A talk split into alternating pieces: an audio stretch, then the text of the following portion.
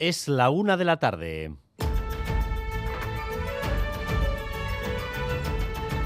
Crónica de Euskadi con Dani Álvarez.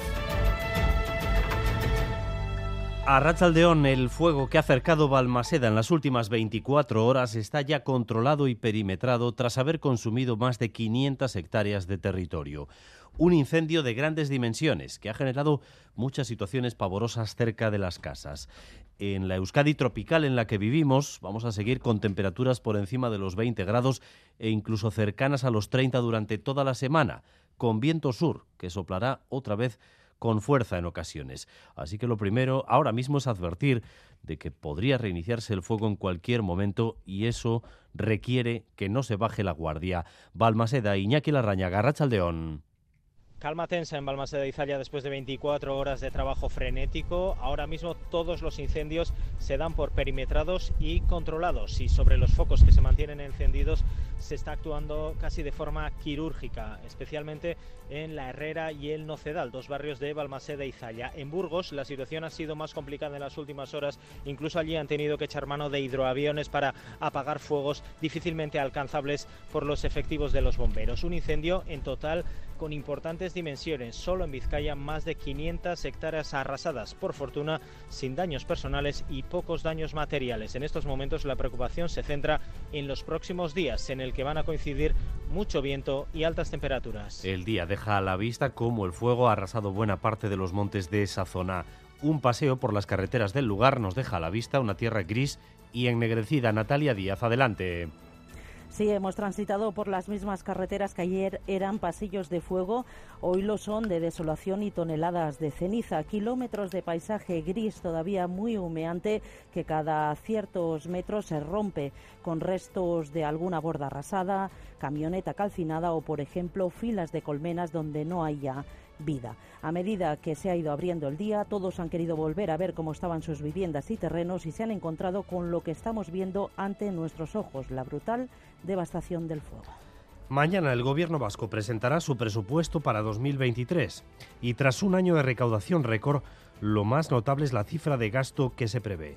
14.000 millones de euros. Y Manuel Manterola. Nunca antes unos presupuestos han tenido este nivel de gasto e inversión, más de 14.000 millones de euros. Unas cuentas que el Endacari ha calificado como valientes y anticíclicas. Mantendrán el peso del gasto social. Tres de cada cuatro euros irán destinados a salud, educación y protección social. Pero Urcuyo ha incidido también en la importancia de estas cuentas para la reactivación económica, porque advierte del enfriamiento significativo de la economía vasca, aunque descarta de momento una recesión. Y se cumple en 43 años de la aprobación del Estatuto de Guernica. La fecha está cobrando relevancia porque Lenda Cari ha aprovechado para pedir algo que no está en el Estatuto, que es un poder judicial propio, al mismo tiempo que el líder del partido con el que gobierna, el PSE, dice que autonomía sí, pero aventuras no el derecho inalienable a ser juzgado solo por nuestros propios jueces. No podemos menospreciar la trascendencia de contar con un poder judicial propio para interpretar y aplicar las normas propias. Los socialistas queremos completar y profundizar en el autogobierno, pero no guerreando contra las instituciones comunes, sino construyendo de forma conjunta una sociedad plural en Euskadi.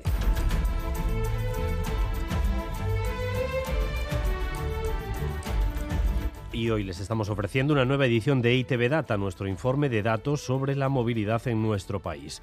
Cómo nos movemos, qué medios de transporte utilizamos. Entre las cifras que sobresalen está el hecho de que aumenta y mucho la compra de coches de segunda mano, lo que contribuye a que Euskadi esté en el podio europeo del parque móvil más envejecido.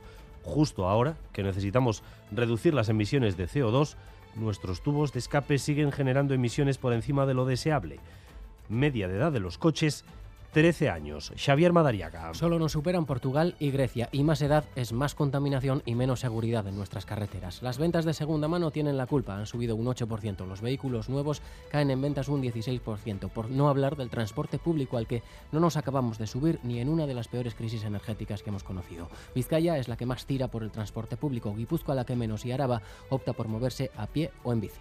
El próximo primer ministro del Reino Unido será Richie Sunak, salvo sorpresa mayúscula, el quinto en seis años. Su misión no es nada sencilla, levantar la credibilidad de un país con demasiados frentes abiertos. Óscar Pérez. Tiene un partido dividido, una economía en la UCI, con una inflación de dos cifras y a las puertas de la recesión. Lo único a su favor es que da la impresión de que su victoria hoy va a ser contundente. Ahora mismo más de la mitad de los diputados Tories le han expresado públicamente su apoyo. Boris Johnson ya se ha retirado, a su manera, de esta contienda y solo un milagro podría hacer que su otra rival, Penny Mordaunt, consiguiera los 100 avales necesarios a las 3 de esta tarde, cuando públicamente, de momento, no llegan a 30. Todo apunta, por tanto, a que esta misma tarde Rishi Sunak será nombrado primer ministro del Reino Unido. Y llega el preestreno del documental Los Shea, una historia de película de Neko Lasagasti y David Berraondo. Será mañana en el Victoria Eugenia.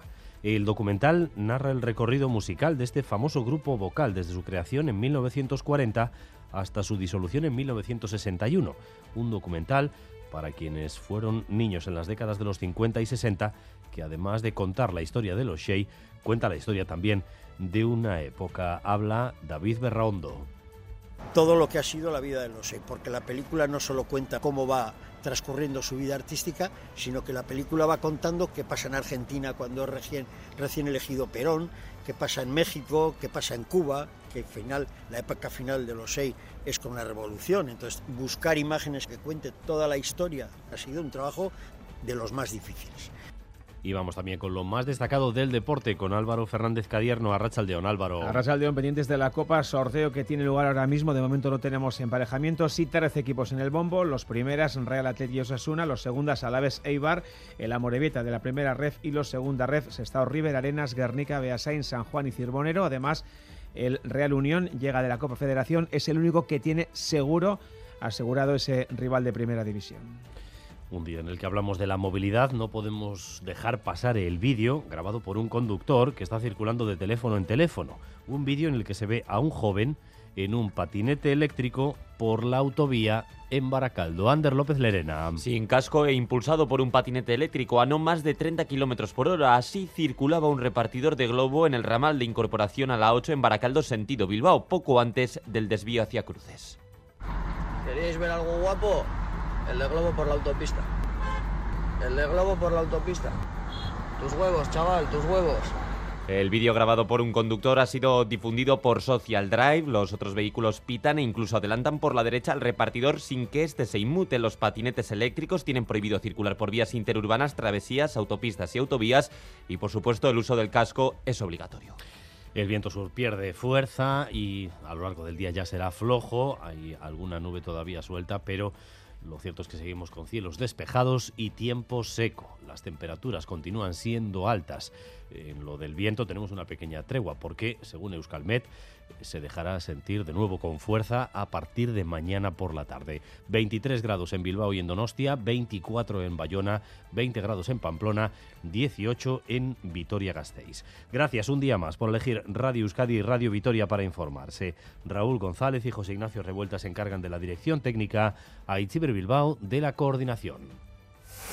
Crónica de Euskadi con Dani Álvarez.